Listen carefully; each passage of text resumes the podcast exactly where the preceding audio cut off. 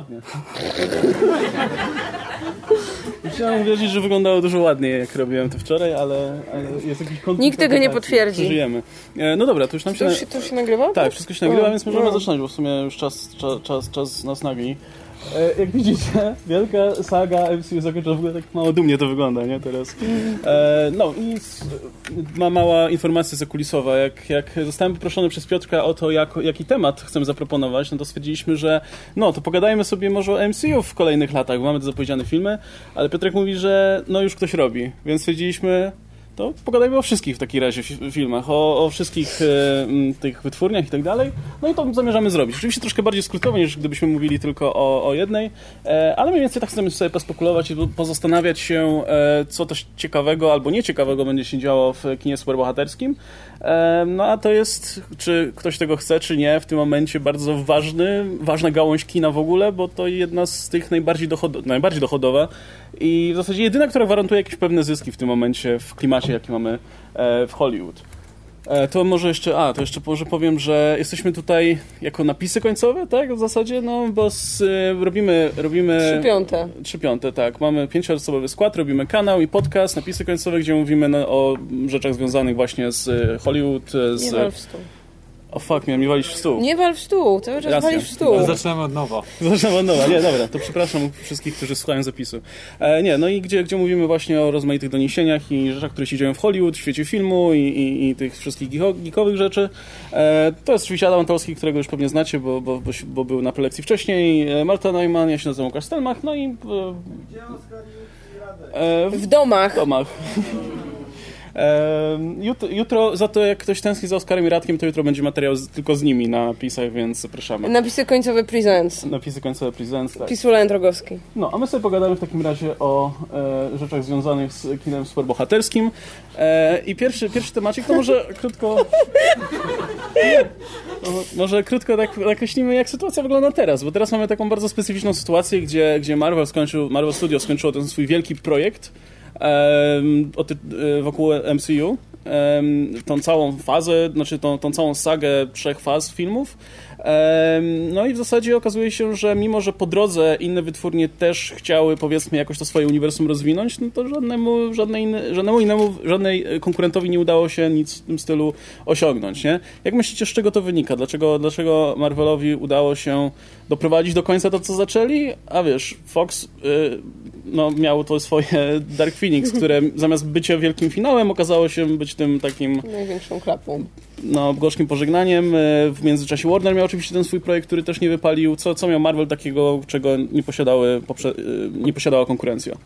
No, Marvel miał to bardzo konsekwentne i stopniowe budowanie wszystkiego. No nie porywał się z motyką na słońce, tylko dał, dał, dał czas. Dał czas sobie, dał czas widzom do tego, żeby no jakby pokochali te konwencje.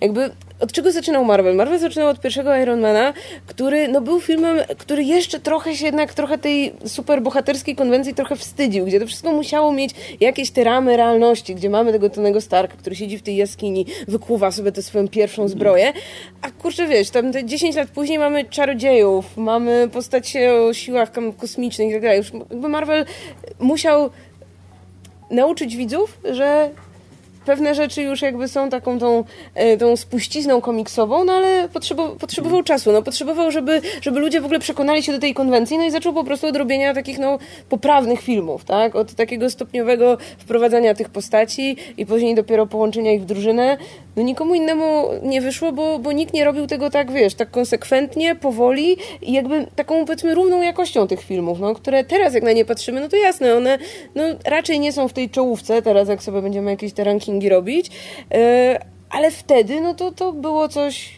takiego właśnie takiej tej stabilnej jakości, że jak szliśmy na ten film Mar- Marvela, no to mogliśmy się spodziewać, że nie będziemy totalnie rozczarowani. No z filmami konkurencji było bardzo różnie. No były i lepsze, i gorsze i no oni tak się wszyscy inni strasznie miotali, a to niby było to samo uniwersum. Potem było na przykład inne uniwersum. No przecież Fox w jakimś momencie, jak przecież re- rebootował niejako X-Menów, no to to miał być ten nowy start. Dopiero później ktoś tam stwierdził, a dobra, to zlepmy to trochę na ślinę, że jednak to wszystko będzie w tym samym continuity.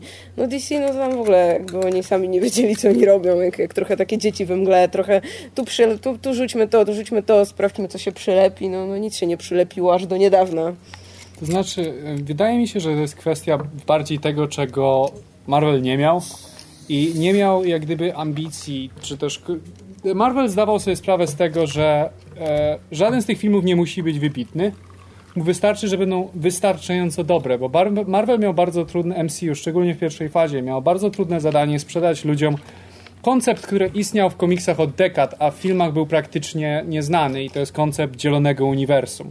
Więc musiał, te filmy musiały być wystarczająco dobre, żeby ludzi w ogóle obchodziły te wszystkie powiązania, ale wiedział o tym, że z każdym następnym filmem będzie im zależeć coraz bardziej, więc nie, mogą żadne, nie może być żadnego fatalnego filmu po drodze. Ale nie, nie każdy musi być wybitny, właściwie żaden nie musi być wybitny, więc tej z pierwszej fazy, szczególnie filmy, są bardzo bezpieczne, bardzo idące wedle formuły, które mają za zadanie przede wszystkim sprzedać ci bohaterów i po to, żebyś ich polubił i po to, żeby cię obchodziły bardziej ich losy niż to, co się dzieje w tym jednym konkretnym filmie. I wydaje mi się, że inne, inne uniwersa w ogóle jakby tego podejścia nie miały, miały zupełnie inne. E, kiedy Warner zaczynał, to zaczynał pod egidą Zacka Snydera, który był uczniem, e, uczniem Nolana i Nolan miał, taki, miał zupełnie inne podejście do filmów superbohaterskich, czyli robimy najpierw intrygę, a potem superbohaterów, jak zobaczysz na te wszystkie jego Batmany. To ważniejsza jest tam intryga niż co akurat myśli Batman albo co, co konkretnego robi w danym momencie. I e, i jak gdyby Zack Snyder jest to taki Nolan, tylko że dużo gorszy. Więc jak gdyby jego filmy mają wszystkie wady Nolana i żadnych zalet. Yy, I on równocześnie od razu, on chciał od razu, żeby chciał odwrotnie podejść do MCU. Jak gdyby zrobić takie MCU, tylko kompletnie na odwrót. Więc tak jak MCU zaczynało od wprowadzania e, najpierw podwalin tego uniwersum, że te, hej, tu jest Iron Man, hej, tu jest Hulk, hej, tu jest e, Kapitan Ameryka i tak dalej. I oni się może znają, może się komunikują jakoś, ale to nie jest ważne i tak dalej na razie. A, e, e, a u Snydera to było od razu zróbmy wielkie wydarzenie, jakim jest Batman v Superman i Justice League, a potem dopiero jak gdyby się rozdrabniajmy na mniejsze, czyli dokładnie na odwrót. Tylko, że widzisz, Marvel, Marvel, dzięki temu, że Marvel właśnie zaczął od małych rzeczy, to jak gdyby ludzi to obchodziło, a jak zaczęli, jak DC zaczęło, jak Warner zaczął od największego, co się da, czyli od Justice League, to nikogo nie obchodziło. Jakby to był podstawowy problem. E, I to jest, wiesz, to jest też generalnie troszeczkę, nie wiem czy to do końca wada, ale cecha, powiem ci, komiksów, czy cyklicznych jakby historii o superbohaterach, gdzie jesteś często dla bohaterów, czy dla świata, a niekoniecznie dla tej jednej konkretnej historii. I to jest coś, co się MCU udało bezbłędnie przenieść do świata filmowego, czego nikomu tak czego nikt tak naprawdę zdaje się nie rozumieć, jak właściwie działa to w komiksach i dlaczego ludzi to obchodzi tu, a tutaj po prostu się nie sprzedaje. Też tym, co chyba Marvelowi jeszcze wyszło na dobre, było to, że właśnie oni nie mieli tych swoich najbardziej ikonicznych postaci, prawda? No nie mieli, bo sprzedali te prawa kiedyś tam i paradoksalnie wyszło im to na dobre, że robili filmy, kurczę, jakimś no-name'ie Iron Manie, o jakimś Thorze, tak. których, postaciach, których tak wśród takiej szerokiej publiki, kurde, nikt tych ludzi nie kojarzył, prawda? Mm -hmm. Więc mogli zrobić w tym filmie właściwie cokolwiek i nie było jakiegoś takiego, nie wiem, wielkiego oburzenia czy wielkich oczekiwań. A kurczę, DC zawsze się na początek porywa na filmy o Batmanie i Supermanie. I zaczęły im wychodzić dopiero dobrze, jak zaczęli brać w takie postacie jak wiesz, Aquaman, Aquaman tak. Shazam. Mhm. No, takie postacie, których nikt nie kojarzy poza nerdozą taką ścisłą, więc no może to jest też klucz taki, że mieli no wiadomo, nie jest, nie jest tajemnicą, że ograniczenia jak gdyby są, mogą działać bardzo stymulująco na kreatywność. I wydaje mi się, że w MCU to bardzo zagrało. Właśnie to, że nie mieli Spidermana, nie mieli X-Menów i musieli jakoś dookoła tego tańczyć i zbudować. Jednak no z tego e, no, z tego katalogu B troszeczkę ich postaci w tamtym czasie. Szczególnie, że jeżeli weźmiemy pod uwagę, jakie są najbardziej zyskowne komiksowo, historycznie postacie dla Marvela, to są właśnie te, które, do których już dawno sprzedali licencje. A i nawet z tych postaci nie, nie mieli do końca praw do wszystkich od początku. Jak gdyby do tej pory nie mają 100% praw do Hulka na przykład. Nie mają praw do dystrybuowania filmów z nim. No. no, więc to jest y, no to jest Spider-Man w tej chwili jest praktycznie na umowie w tej chwili, na, wynajmowany no, będziemy gadać jeszcze o Spider-Manie też. E, no to, to, ja się zgadzam. To znaczy jeszcze, jeszcze jest jedna rzecz, o której nie wspomnieliście, prawdopodobnie dlatego, że i tak wszyscy to wiedzą. No jest jeszcze, jest jeszcze powód taki, który nazywa się Kevin Feige, nie? Mhm. To jest to, że jednak taki projekt rozplanowany na ileś tam filmów jednak potrzebuje osoby, która będzie to koordynować, albo zespołu osób, nie? No, no, ale lepiej jak jest jedna osoba, bo się nie będzie nie zgadzać ze sobą, nie?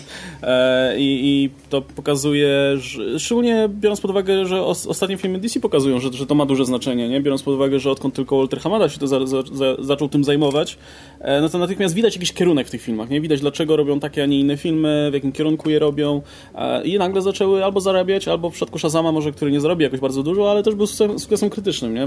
W dużej mierze, więc, e, więc osoba, koordynatora, kto będzie się tym zajmował też była istotna, no i Star Wars fajnie pokazuje, jak, jak, bardzo potrzebny jest producent, który będzie koordynował jakby też kreatywnie te, te filmy, nie? No bo jakby producent ma oczywiście wiele ról, ale ta taka rola przy koordynowaniu, jak to, w jakim kierunku kreatywnie mają te filmy, no, ma duże znaczenie, bo na przykład Star, Star Warsami zarządza Kathleen Kennedy, która jest świetną producentką i generalnie no, jest prawda, jedną z bardziej utytułowanych producentek w ogóle w biznesie, ale w ogóle nie odpowiada tam za takie kwestie kreatywne, przez co długo te Gwiezdne Wojny nie mogły znaleźć swojego kierunku za bardzo. Wciąż nie mogą z tymi spin-offami na przykład, gdzie był nagle pomysł, żeby robić spin-off o 50 różnych postaciach e, i, a w, i wyszedł solo i zarzucili zupełnie ten pomysł, nie? Więc, e, więc wydaje mi się, że to był też jeden z takich ważniejszych powodów, dla których to się udało. No więc jak już jesteśmy przy tym Marvelu, to zostawmy to nosa na moment i porozmawiajmy sobie w takim razie o tym, co czeka Marvel Studios. Tak jak wspominałem wcześniej, no już, już była zdaje się prelekcja na ten temat, natomiast pomówimy sobie jeszcze jeszcze jak zapowiada się generalnie ta strategia, powiedzmy, Marvela na najbliższe filmy, nie? No bo tak jak wspomniałem, ta, ten, ten wielki rozdział się zamknął, więc teraz pytanie, co dalej, nie? No jak zazwyczaj mogą, mogłoby się pojawić pytanie, jak przeskoczyć teraz to, co było. Tylko, że pytanie, czy warto przeskakiwać, nie? Chyba nie, biorąc pod uwagę, że w tym momencie Marvel ma tę pozycję, gdzie może wydawać filmy o dużo mniej znanych postaciach, które nie muszą koniecznie w najbliższym czasie budować znowu do jakiegoś dużego eventu. Pewnie te, i tak te filmy będą zarabiać. No o to chodzi przede wszystkim, nie? No nie oszukujmy się. E, więc wydaje mi się, że y, jestem ciekaw, czy się tutaj zgadzacie ze mną. Wydaje mi się, że to jest ten taki dobry okres właśnie na eksperymenty, na próbowanie, z, no, wiesz, na, na, ten moment, kiedy można faktycznie rzucać różne rzeczy o ścianę i zobaczyć, co, co, co, co, co zostanie przyjęte, co się przyjmie, co można wyłączyć, co można później rozwijać, a co niekoniecznie. Bo do tej pory jakby zawsze była jednak ta presja związana z tym, że jak coś nie wypali, no to troszkę nam położy jakby cały ten proces budowania rzeczy do endgame. No a teraz mamy ten moment, kiedy można zaprezentować jakiś tam Eternal czy, czy, czy Shang-Chi, czy coś w tym stylu i nie będzie dużego problemu, jeśli powiedzmy okaże się, że odzew publiki nie jest, nie jest e, jakiś tam super gorący. Um, jakie jest wasze zdanie na ten temat właśnie? No to jest super, bo Marvel jest teraz w pozycji, kiedy tak naprawdę wszystko może.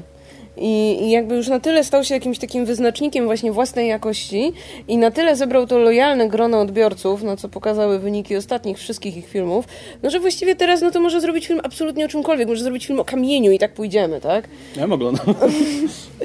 Więc tak jak kiedyś, nie wiem, e, kiedyś e, wszyscy sam się dziwiliśmy, jak Marvel robił po raz pierwszy Guardians of the Galaxy, no bo to już w ogóle, to były jakieś totalnie nieznane typy, gdzieś tam wygrzebane, gdzieś tam z jakiejś, wiesz, właśnie spod kamienia, no to teraz, kurczę, co drugi film będzie o takich, takich nieznanych nikomu bliżej postaciach.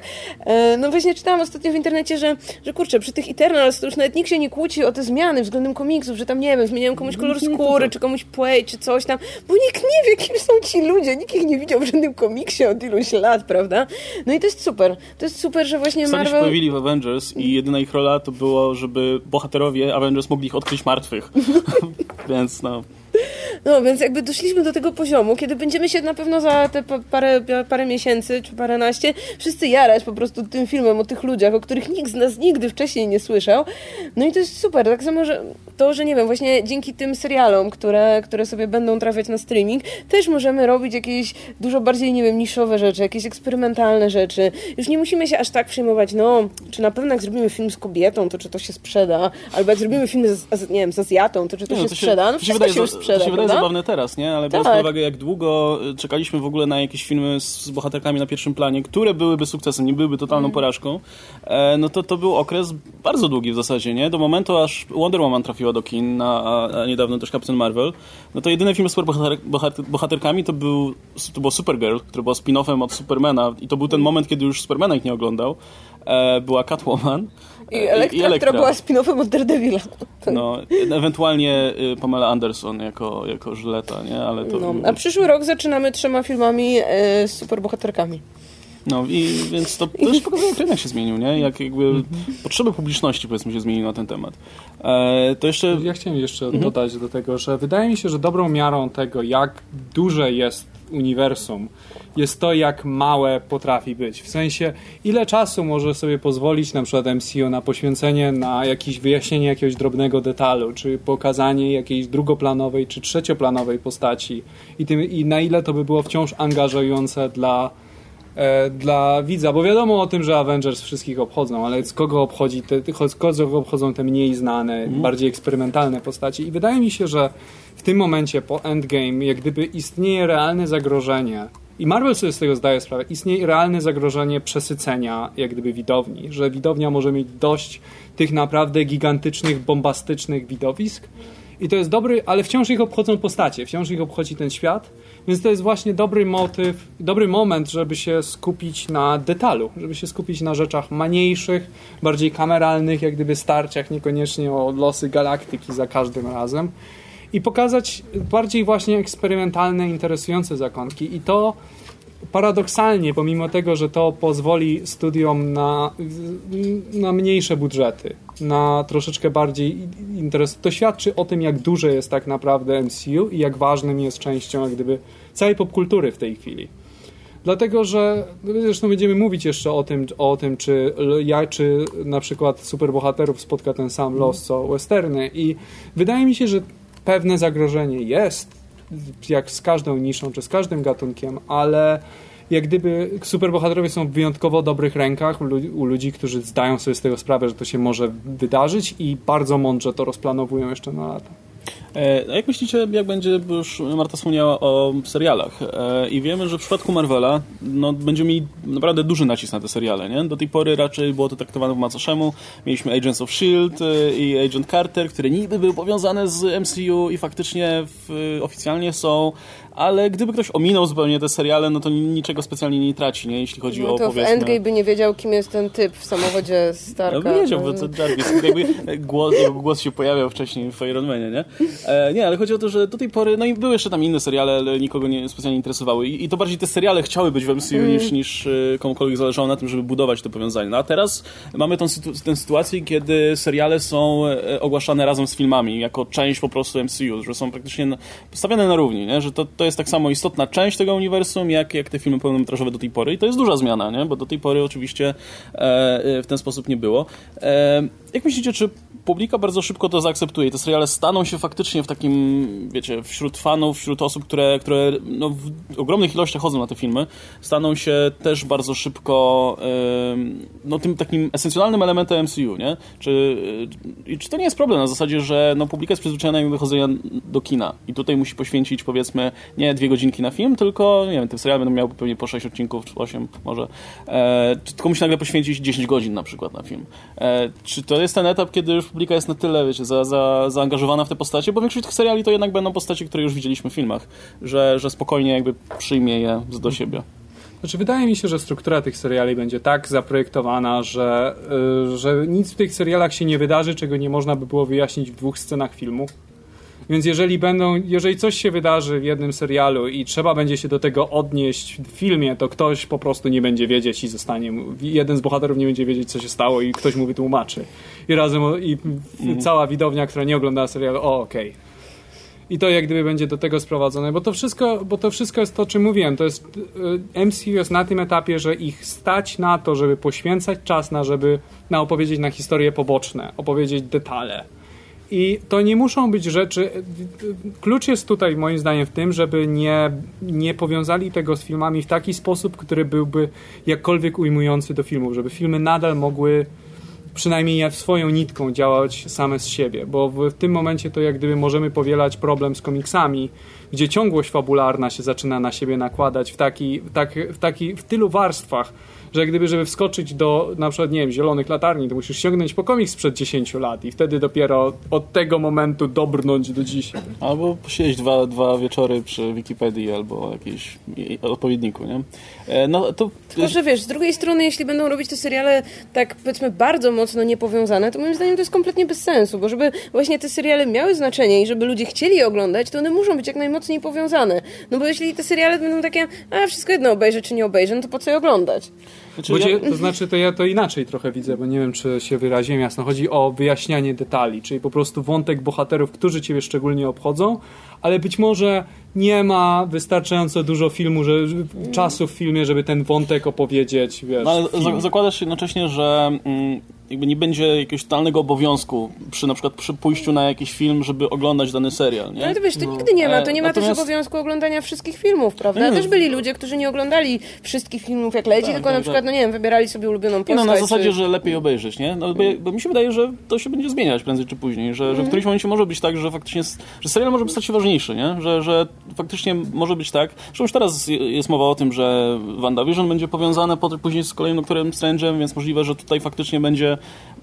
warto, bardzo warto obejrzeć poprzednią produkcję, ale wydaje mi się, że, że oni idą w tym kierunku, że kto wie, czy seriale w którymś momencie nie staną się ważniejsze, że będzie, wiesz, że, będziesz, że będzie odwrotnie, że film będziesz mogła pominąć, a serial trzeba będzie obejrzeć, no bo krajobraz się zmienia mocno jednak mediów, mm. nie? Jednak, jednak wiesz, y, zobaczymy jak, jakim sukcesem będzie Disney+, Plus, ale jeśli się okaże takim sukcesem, na jaki pewnie Disney liczy, że będzie przy tej niskiej cenie i, i ofercie i tak dalej, e, to kto wie, czy na pewno nie teraz, nie? Ale powiedzmy za, za ileś tam lat, y, to nie będzie ten taki priorytet w tym momencie dla MCU. Biorąc pod uwagę, że jednak seriale mają troszkę niższy próg wejścia, no bo nie musisz odbywać całe wyprawy do kina i, i kupować biletów i tak dalej, tylko możesz sobie oglądać dany serial po prostu od razu, nie? Mając, mając subskrypcję.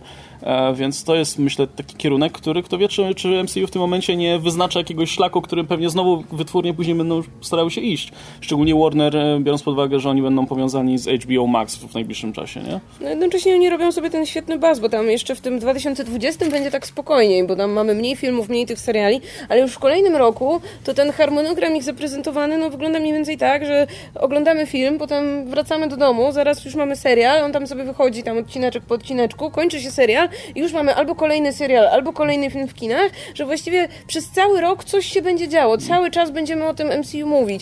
I jakby, no jasne, może już nie będzie takiego, wiesz, wyczekiwania na tę jedną konkretną rzecz, tak jak, nie wiem, wyczekiwało się na Infinity War, czy wyczekiwało się na Endgame, ale cały czas coś się będzie tutaj działo i cały czas będziemy o tych postaciach mówić i nie będzie, nie wiem, tygodnia czy, czy miesiąca, żeby, nie wiem, nie było właśnie jakiejś premiery, czy to filmu, czy serialu i, i to też będzie czymś takim trochę nowym, takie trochę nowe środowisko, jakby powiedzmy nowy krajobraz, ale to taki właśnie powrót do tego, jak się też te seriale oglądało tydzień po tygodniu, jak się dyskutowało o nich tydzień po tygodniu i to myślę, że, że trochę za tym tęsknimy. To jak się kończyła Gra o Tron, to, to właśnie o tym rozmawialiśmy, no, że szkoda, że już, już nie będzie teraz takich seriali, a to kurczę, zaraz może jednak znowu będą. Mm, znaczy, jeszcze jest ta kwestia, że oni prawdopodobnie będą chcieli robić to, co Disney robi. Znaczy, mm. e, jakiś czas temu, e, nie pamiętam kto, ale kto, któraś z osób, które odpowiadają właśnie za strategię Disneyu, mówiła, że odpowiadając na pytanie, czemu Disney na przykład w tym roku wypuszcza tak dużo premier, nie? że praktycznie co mm. miesiąc jest jakaś duża premiera Disneya. I czy to nie, no, nie zżera im w zasadzie rynku, nie? No bo jeden film jeszcze nie zdąży, e, nie zdąży zarobić tyle, ile mógłby zarobić, a już wchodzi następny, nie? I jakby zabieram od, po, poniekąd publikę. No i ta pani wyjaśniła, że to, to taki jest cel, żeby, żeby praktycznie, praktycznie cały czas było coś nowego z Disneya dla różnej, dla różnej publiki, mm. żebyś praktycznie żył cały rok z Disneyem i był przyzwyczajony do tego, że jak w rozrywkę, to do Disneya, nie? Jak do wieczór no tak, nie będzie tak. chciał iść tym samym torem. Tak pewnie zrobią z Disney Plus, dokładnie. To oczekiwanie nie jest tak opłacalne, jak publikowanie treści cały czas. E, no dobra, to jak mówiliśmy o Disneyu i troszkę też o Foxie wcześniej, to pomówmy w takim razie o tym Foxie, bo tu też się dzieją ciekawe rzeczy. Biorąc pod uwagę, że pierwotnie oczywiście wiemy, że, że Fox został zakupiony, że wszystkie zasoby 20th Century Fox, 21st Century Fox zostały zakupione przez Disneya. E, w związku z tym no, Disney będzie mógł korzystać z tych postaci, które razem z, z wytwórnią przyszły do nich. No i do tej pory było powiedziane tak, wiedzieliśmy pewnie, że, że X-Men czy Fantastyczna Czwórka zostaną włączone do MCU, natomiast nie było wiadomo, co będzie z Deadpoolem, do którego filmy do tej pory były w kategorii R, e, e, filmy w MCU do tej pory były w PG-13, natomiast e, było powiedziane, że będzie najprawdopodobniej trzymany po prostu sobie osobno i filmy z Deadpoolem będą wychodzić po prostu dalej jako Fox, 20th Century Fox i tak dalej. No, ostatnio po tych doniesieniach o tym, że Disney, Bob Iger i, i, i akcjonariusze Disneya nie są zadowoleni z wyników finansowych Foxa, jest, y, już padł, padł raport, znaczy dotarł do nas raport, że, e, że najprawdopodobniej wszystkie te własności, łącznie z Deadpoolem, przechodzą pod oko Kevina Feige, więc to może oznaczać, że, że Deadpool będzie włączony po prostu do MCU. E, to my o tym rozmawialiśmy właśnie na napisach, ale was wtedy nie było, więc ja was zapytam w takim razie, e, jak, jak widzicie to? No bo postać do tej pory, film, która miała, mm, która występowała w filmach z Erką, e, niezależnie czy te filmy się podobały wam czy nie, no to, to, była, to był znak rozpoznawczy mimo wszystko tych filmów. Taki element, który mocno wyróżniał tę postać, tu, że tu możemy sobie po, pozwolić na żarty czy sceny, e, na których, które nie mogą sobie pozwolić filmy MCU na przykład. E, I teraz pytanie, czy, e, czy ewentualny film z Deadpoolem w MCU, w PG-13, tak jak do tej pory, to dla was jest, będzie strata dla tej marki, przez to, że będzie musiała się dostosować powiedzmy do jakichś tam reguł, które dają tę kategorię? Czy może wręcz przeciwnie, jakby zalety, które pozwalają na umieszczenie Deadpoola w gronie bohaterów Marvela przeważają te, te ewentualne... Mm, kompromisy, które będzie trzeba przy tym filmie osiągnąć. Znaczy ja nie widzę powodu, dlaczego Deadpoola robić koniecznie PG-13 i, i jeżeli jego obecność w MCU to są rzeczy wykluczające, dlatego że w komiksach mieliśmy kilka precedensów takich, gdzie postać jest z jak gdyby swojej własnej serii, która jest raczej dla osób dorosłych, gdzie jest dużo przekleństw, jest brutalność i tak dalej. Lobo tak funkcjonuje w uniwersum DC od zawsze. E, natomiast ilekroć się pojawia w zeszycie Ligi Sprawiedliwości czy u Supermana, to po prostu troszeczkę oszczędniej przeklina, jakby troszeczkę mniej jest brutalności i tak dalej, jakoś to przejdzie. I wydaje mi się, że Deadpool zresztą też mniej więcej tak działa w Marvelu, więc wydaje mi się, że jak gdyby to samo możesz zrobić w wersji filmowej, gdzie jego solowe filmy byłyby nadal erkami by mogły nawet i ze względu na jak gdyby taki i tak meta humor obecny w tych filmach, mógłbyś nawet ciągnąć dalej fabułę, która była do tej pory, tylko hej, jesteśmy w innym uniwersum czy coś. E, tylko po prostu jeżeli byłoby wymagana jego obecność w MCU, jeżeli by w ogóle była wymagana, to po prostu by mignął, pojawił się i tyle. I zaznaczona by była jego obecność. Dlatego, że wydaje mi się, że publiczność Deadpoola to nie jest koniecznie taka publiczność, ta, ta sama publiczność i jak gdyby oczekiwania od tego filmu, publika jest zupełnie inna. Jak gdyby ludzie z zupełnie innych powodów idą na filmy z Deadpoolem, jak i na MCU.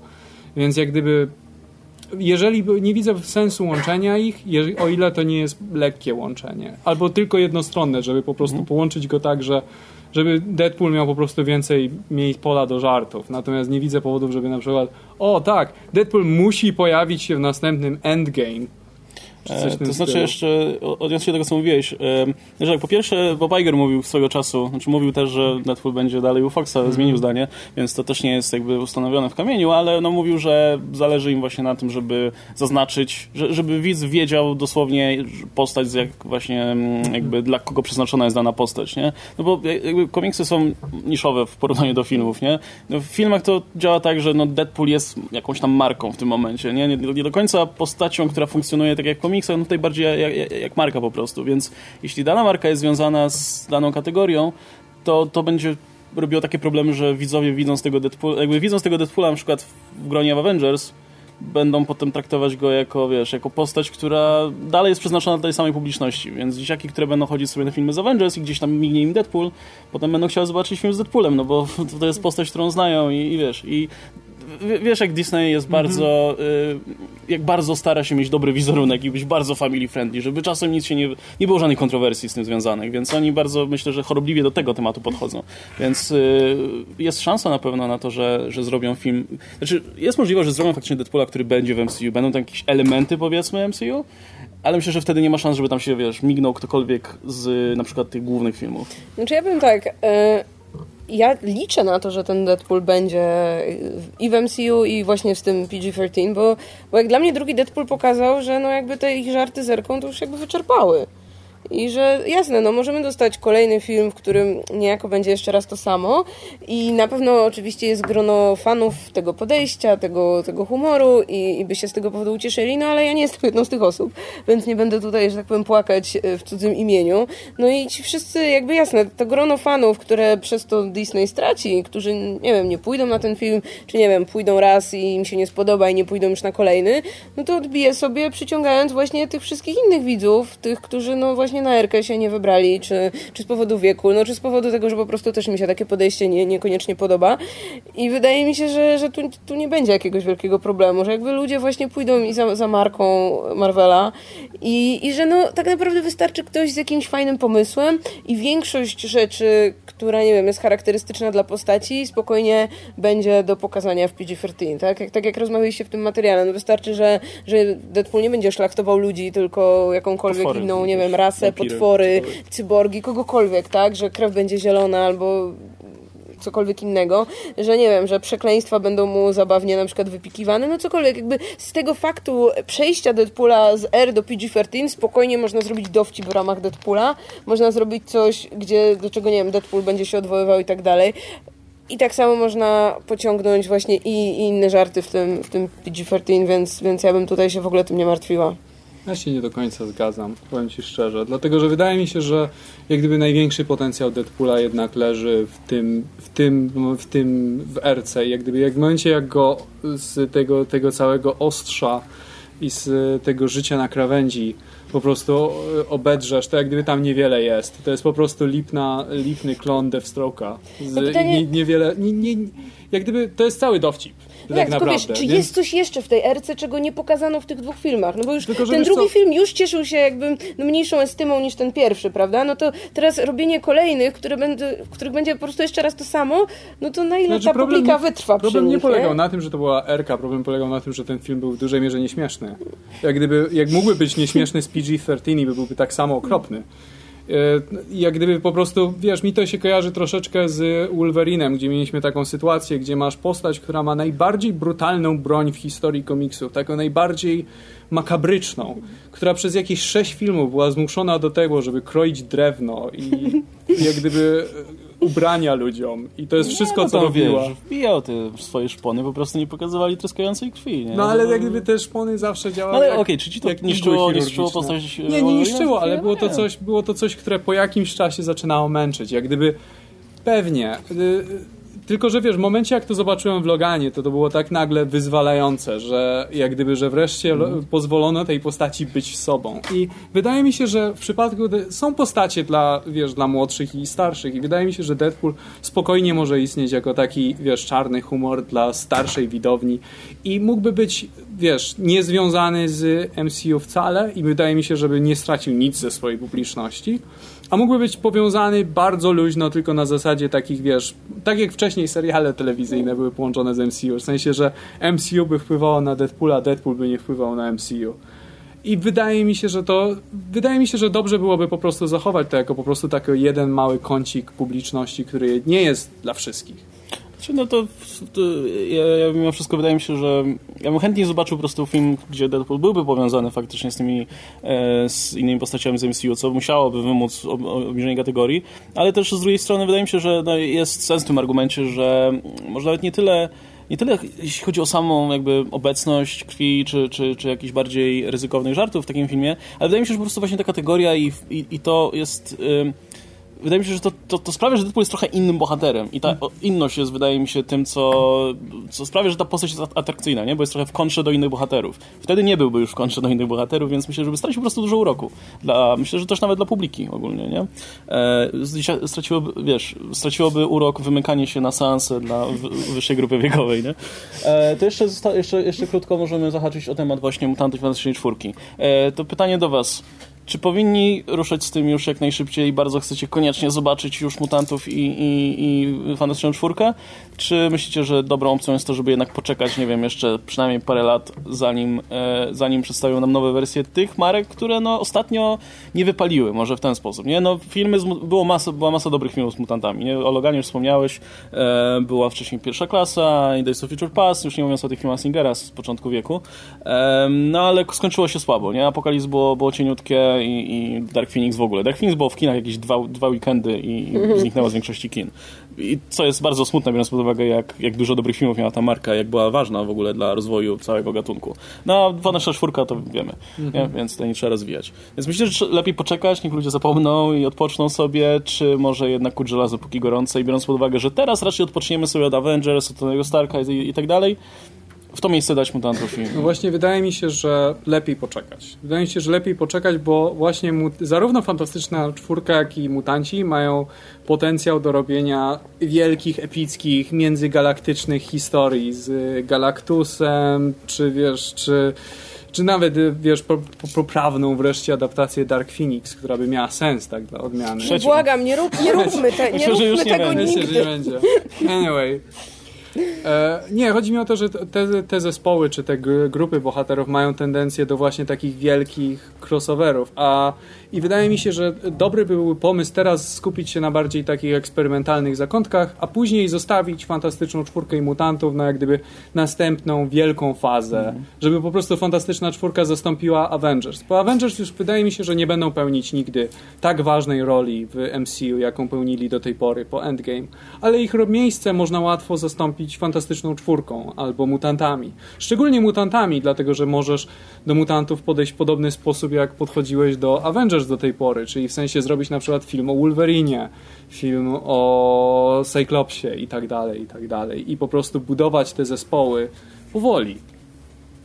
No to jeszcze pytanie w takim razie, to jak wprowadzić mutantów do MCU? Bo to jest y, temat, który się przewija i przewija, no bo mamy to duże MCU, gdzie jest masa bohaterów, gdzie świat już sobie jakoś tam, wiesz, widzieliśmy jego rozwój jakoś na naszych oczach i teraz jak tu wprowadzić tak rozległą rodzinę, powiedzmy, bohaterów y, do już tego istniejącego świata y, jak, jak mutanci. Bo się pojawiają propozycje, że wyrwa w czasoprzestrzeni powstała jak Thanos yeah. pstryknął, albo tak, że multiversum. Doktor Strange podróżując po multiversum zahaczył o mutantów i nie wiem, zaprosił ich na kawę. No, Czemu jak... wyglądasz jak Hugh Jackman?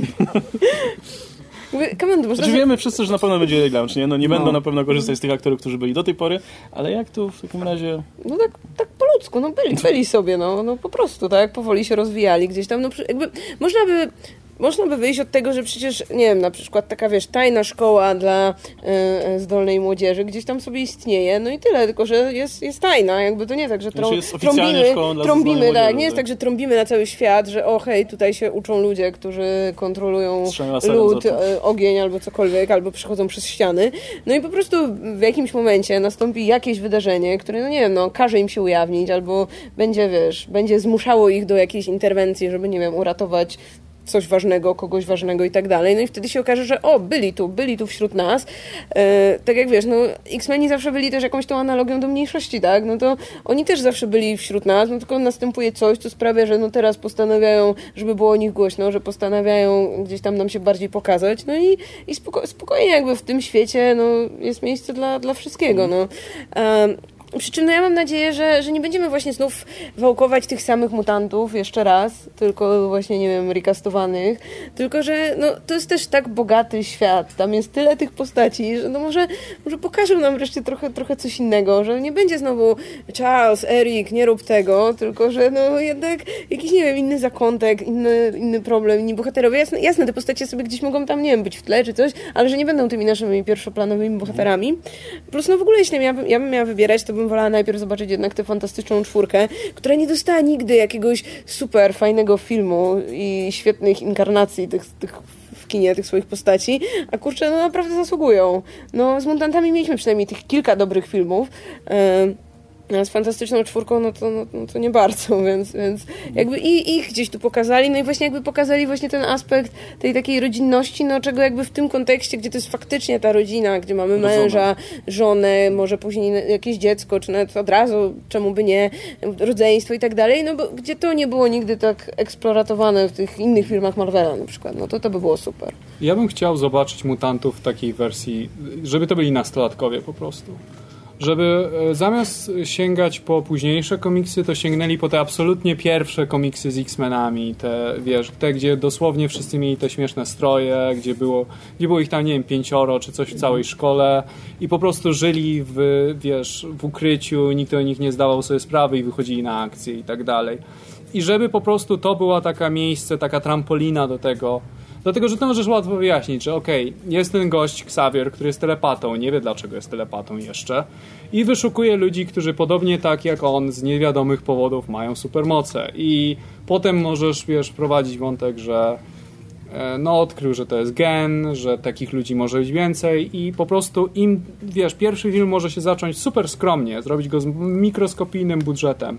I po prostu wprowadzając e, obecność mutantów jak gdyby stopniowo. Możesz też łatwiej przekazać, że to jest po prostu gen, który się rozprzestrzenia, że tych mutantów jest coraz więcej i tak dalej. I wydaje mi się też, że nie mieliśmy nigdy, o ile mieliśmy jak gdyby nawiązania do klasycznej historii, to nigdy nie mieliśmy takich super klasycznych X-Menów w takim naprawdę wydaniu, gdzie to jest po prostu teen drama. Gdzie... No, no, były takie elementy jakiejś pierwszej klasie, Tak, nie? ale- nie, nie pełną parą. I nie chciałbym, żeby, żeby było w ogóle wątku Magneto kontra Xavier na tym etapie. Gdy mieliśmy to już, wszyscy to już rozumieją, prawda? Jak Z Magneto to w ogóle byłby problem, nie? Bo on jakby jego ważną częścią originu jest ten pobyt w obozie koncentracyjnym i, i te doświadczenia z wojny, z bycia żydowskim e, Niemcem, nie? E, I, I w tym momencie trzeba by go dać mu jakąś inną traumę, nie? I, i to No troszkę jednak byłby już 90-letnim No miał starcem, 90 lat, nie? no to by było troszkę bez sensu. No I- tylko trudno to wymienić na inną traumę, prawda? Tak jak, nie wiem, postać, która, nie wiem, kiedyś była na wojnie w Wietnamie, to teraz możemy powiedzieć, sensie- że była na wojnie w Afganistanie, whatever. No No, to tutaj znaleźć- trudno wymienić to na jakąś inną, porównywalną traumę, prawda? No musiałby znaleźć faktycznie znowu jakiś coś, jakiś moment, w którym faktycznie taka postać jak, jak Magneto straciłaby jakikolwiek szacunek i, i e, do, do ludzi ogólnie. Nie? Wydaje mi się, że to jest niewykonalne. Wydaje mi się, że to jest niewykonalne, bo to sugeruje, że jak gdyby twoje doświadczenie z, dan- z przeżycia danego ludobójstwa jest wymienne, jak gdyby jest to te same doświadczenia Właśnie o tym mówię, że wojny to w by- Jugosławii, to by było zawsze straszliwie obraźliwe, No, wiesz? To było problematyczne, nie? Jakby możesz to zrobić z dobrymi intencjami, ale i tak będzie problematyczne w tym momencie, no bo zaczną się dyskusje na ten temat, a szczególnie jak robisz wysokobudżetowy film, to nie chcesz mieć tego typu kontrowersji mimo wszystko na, na, na głowie, nie? Ale może jakoś to obejdą. Znaczy, no możesz Nie. dodać mu po prostu, że z powodu swojej mutacji przedłużył się jego, wiesz, długość życia, czy jakiś bullshit możesz wymyślić, który by po prostu, ja bym, ja bym go tego kompletnie nie pozbawiał. Jak gdyby tej, bo to jest bardzo ważna część tej postaci, jeżeli po prostu go, jeżeli go y, obedrzesz z tego, to już nie będzie magneto do końca. I wydaje mi się, że takie rozwiązanie polegające na tym, że o, weźmy wojnę w Wietnamie, albo weźmy wojnę w Jugosławii, czy, czy jakieś inne ludobójstwo, czy, czy inną tragedię ludzką i zamieńmy to no to jest, wiesz, to jest, to jest w pewnym sposób obraźliwe dla prawdziwych ofiar y, obu tragedii, dlatego że no to jest sugestia, że doświadczenia takie są wymienne, że to nie jest unikalne dlatego, że przeżyłeś to, tą, tą konkretną ko- tragedię, tylko że o, jakąkolwiek tragedię, to staniesz się magneto i dla mnie to jest nawet nie problematyczne, co potwornie niesmaczne. Czy Wydaje mi się, że wtedy i tak nawet, nawet pomijając to, to, to musiała być trochę inna postać, nie? Mhm. Inaczej na pewno, gdyby to była inna tragedia, myślę, że też inaczej by musiało to, ją ukształtować. No zobaczymy, jak sobie z tym poradzą. E, Okej, to przeskoczmy do Sony w takim razie. I teraz wspomniałeś o tym, że, że no, wypożyczyli, no dosłownie wypożyczyli e, Marvelowi Spidermana. Nie wiemy jeszcze na czym ma polegać ewentualna druga umowa. Wiedzieliśmy, że do tej pory, że to, że, że to miała być umowa na pięć filmów, nie? Trzy wspólne, jakieś grupowe i dwa solowe. No i mieliśmy przed chwilą e, ten drugi solowy, e, a wcześniej trzeci grupowy. No i pytanie, co dalej? No prawdopodobnie, wszystkie znaki na niebie i ziemi wskazują na to, że ta umowa została jakoś przedłużona albo będzie przedłużona, no bo Far From Home, nie, nie spoilując, no to jakby pokazuje, że dalej jakoś tam się ta historia Spidermana będzie toczyć. E, no to, więc możemy założyć, że, że raczej ta umowa będzie kontynuowana. Zresztą no, film zarobił wszystkie pieniądze świata, więc raczej ani Sony, ani Marvelowi nie będzie e, na rękę, żeby zmieniać cokolwiek tutaj, nie? Więc, e, więc o Spider-Manie na razie może nie będziemy mówić, ale pomówmy o tych innych rzeczach, które zostały u Sony. Bo po pierwsze, mieliśmy film animowany, który, który oni sobie... mm, Znaczy, ta luka, która powstała po tym, jak, jak Marvel sobie wziął ich Spidermana, em, no, stworzyła miejsce na zrobienie na przykład filmu animowanego z Milesem Moralesem, który został przyjęty bardzo pozytywnie, nie? Może nie zrobił jakichś super pieniędzy, e, ale podejrzewam, że ewentualny sequel już zarobi więcej, bo w filmie było dużo słychać i dużo dobrego zazwyczaj. E, słyszy się już o tym, że mają powstać jakieś, że mają powstać sequele, I spin-offy. ma powstać jakiś spin-off o Gwen i o tych y, i- innych postaciach.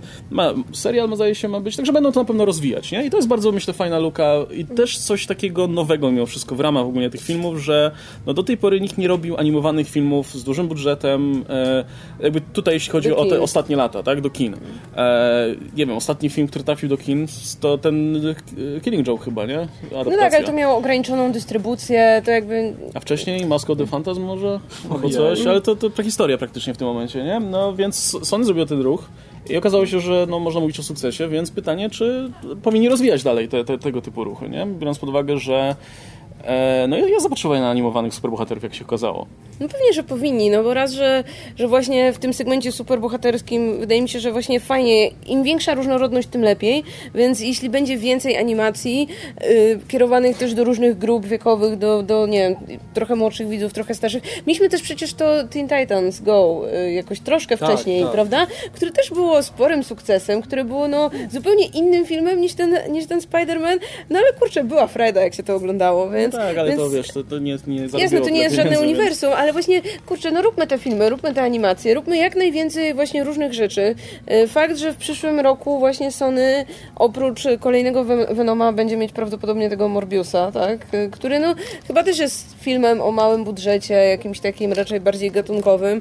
E, Właśnie wydaje mi się, że Sony się powinno tego trzymać, że oni są w fantastycznej sytuacji, kiedy no właśnie te filmy najbardziej dochodowe ze Spider-Manem, no to tam im pociągnie Marvel, dzięki czemu one będą dobre, będą dobrze przyjmowane, a tutaj sami sobie na boku będą robić też inne rzeczy, na których też zarobią, no ale właśnie niekoniecznie będą się wplątywać w jakieś wielkie, skomplikowane uniwersum, nie muszą jakby tutaj dbać o to, żeby właśnie mieć drugiego Kevina Feige u siebie, no i właśnie niech sobie to tak funkcjonuje w ten sposób. Jak kiedyś, nie wiem, zachce im się, no to równie dobrze mogą gdzieś tam znowu zrobić jakieś połączenie, mogą to połączyć, mogą, nie wiem, w animowanym Spider-Manie nagle wrzucić Spider-Mana z MCU, bo czemu nie, bo wszystko mogą. Tak samo mogą, nie wiem, podejrzewam, że jakby się uparli, to tego Venoma z tym Spider-Manem też by jakoś połączyli, no tylko na razie nie ma po prostu takiej potrzeby. Niech sobie właśnie Sony tutaj ten swój własny kawałek ogródka uprawia. I niech trzyma się tej umowy z Marvelem, no kurczę, to jest, to jest najlepsza rzecz, jaka ich spotkała. Jakby Spider-Man chyba za chwilę będzie, o ile już nie jest, najbardziej dochodowym filmem Sony ever. No więc, no to, to mówi trochę też samo za siebie. E, Adam, to tobie został w takim razie Venom do omówienia. E, e, czemu ten Venom się tak dobrze sprzedał? Czemu ludzie polubili ten film? I co dalej? E, Bo będzie sequel robiony przez Andiego Serkisa, to już wiemy.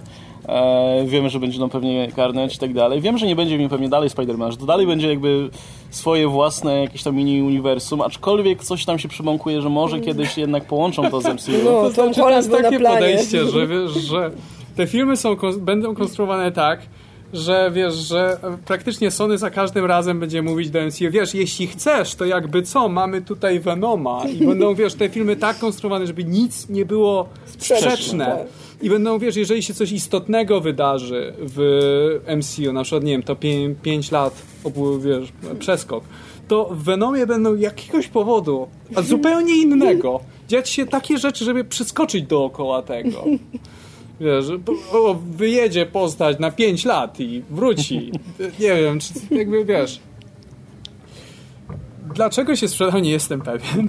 Natomiast, natomiast wiesz, wydaje mi się, że jest pewne zapotrzebowanie na. A to nie jest to sytuacja z Deadpoolem, że to jest Nikt coś nie wie, czy- innego jednak zupełnie? To znaczy, właśnie wydaje mi się, że jest zapotrzebowanie na takich troszeczkę, wiesz, ostrzejszych superbohaterów, takich tro, trosze, żeby wiesz, nie, nie, nie musi być, wiesz, kon, wiesz kompletnie e, horror, wręcz na poziomie horroru, gdzie co flaki lecą dookoła, ale wydaje mi się, że jest zapotrzebowanie na taki, na taki film, który byłby jednak dla troszeczkę starszej widowni. I wydaje mi się, że filmy superbohaterskie, ich siła jest to, że mogą być mogą być o, mo, tworzone dla każdego widza praktycznie. O czym jeszcze będziemy tutaj rozmawiać, bo pamiętam, jak umawialiśmy tę prelkę. Mamy 10 E, minut jak coś, więc... O, ups. E, I wydaje mi się, że i wydaje mi się, że powinien być segment tego, ten, który był, powinien być zarezerwowany dla ludzi, którzy chcą mieć takie troszeczkę edgy, bardziej dowcipy, czy historie, czy trochę krwi, trochę flaku i tym podobne rzeczy. Tylko może bez Eminema. E, dobra, to teraz Warner. E, I i tu są. E, jakby ostatnio tutaj, tutaj zanotowaliśmy właśnie pewien zwrot, nie? Jakby, Ten o- gif jest piękny. po prostu.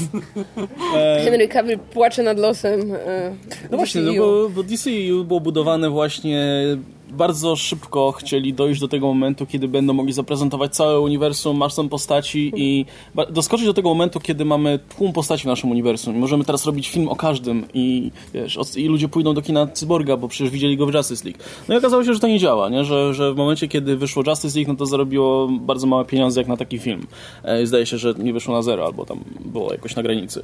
E, co dla, no, dla takiego filmu, gdzie jest i Batman, i Superman, i Wonder Woman, która wcześniej miała przez film solowy z dużymi sukcesami, e, no, no, jest jasnym sygnałem, że widzowie tego nie chcą, więc nastąpił odwrót. Został ten Aquaman, który tam odziedziczyli go sobie jeszcze po tej poprzedniej, e, poprzedniej strategii, no i okazało się, że zrobił duże pieniądze, co no, duże znaczenie miało to, że w dobrym okresie się pojawił, to był okres świąteczny, gdzie nie było konkurencji za bardzo, e, ale był sukces. Potem pojawił się Shazam, film, który też został ogłoszony, pamiętam, bardzo wcześnie i jako jedyny z tej całej grupy ogłoszonych wtedy filmów, a był tam i Flash, i Cyborg, i jeszcze jakieś inne filmy, jako jedyny został zrobiony z tych filmów i, i też nie jakby zarobił na siebie, ale nie był dużym sukcesem, za to miał świetne recenzje, nie? Wszystkim się bardzo podobało, więc to wie, czy sequel nie ma dzięki temu też e, szansy na, na lepszy zarobek.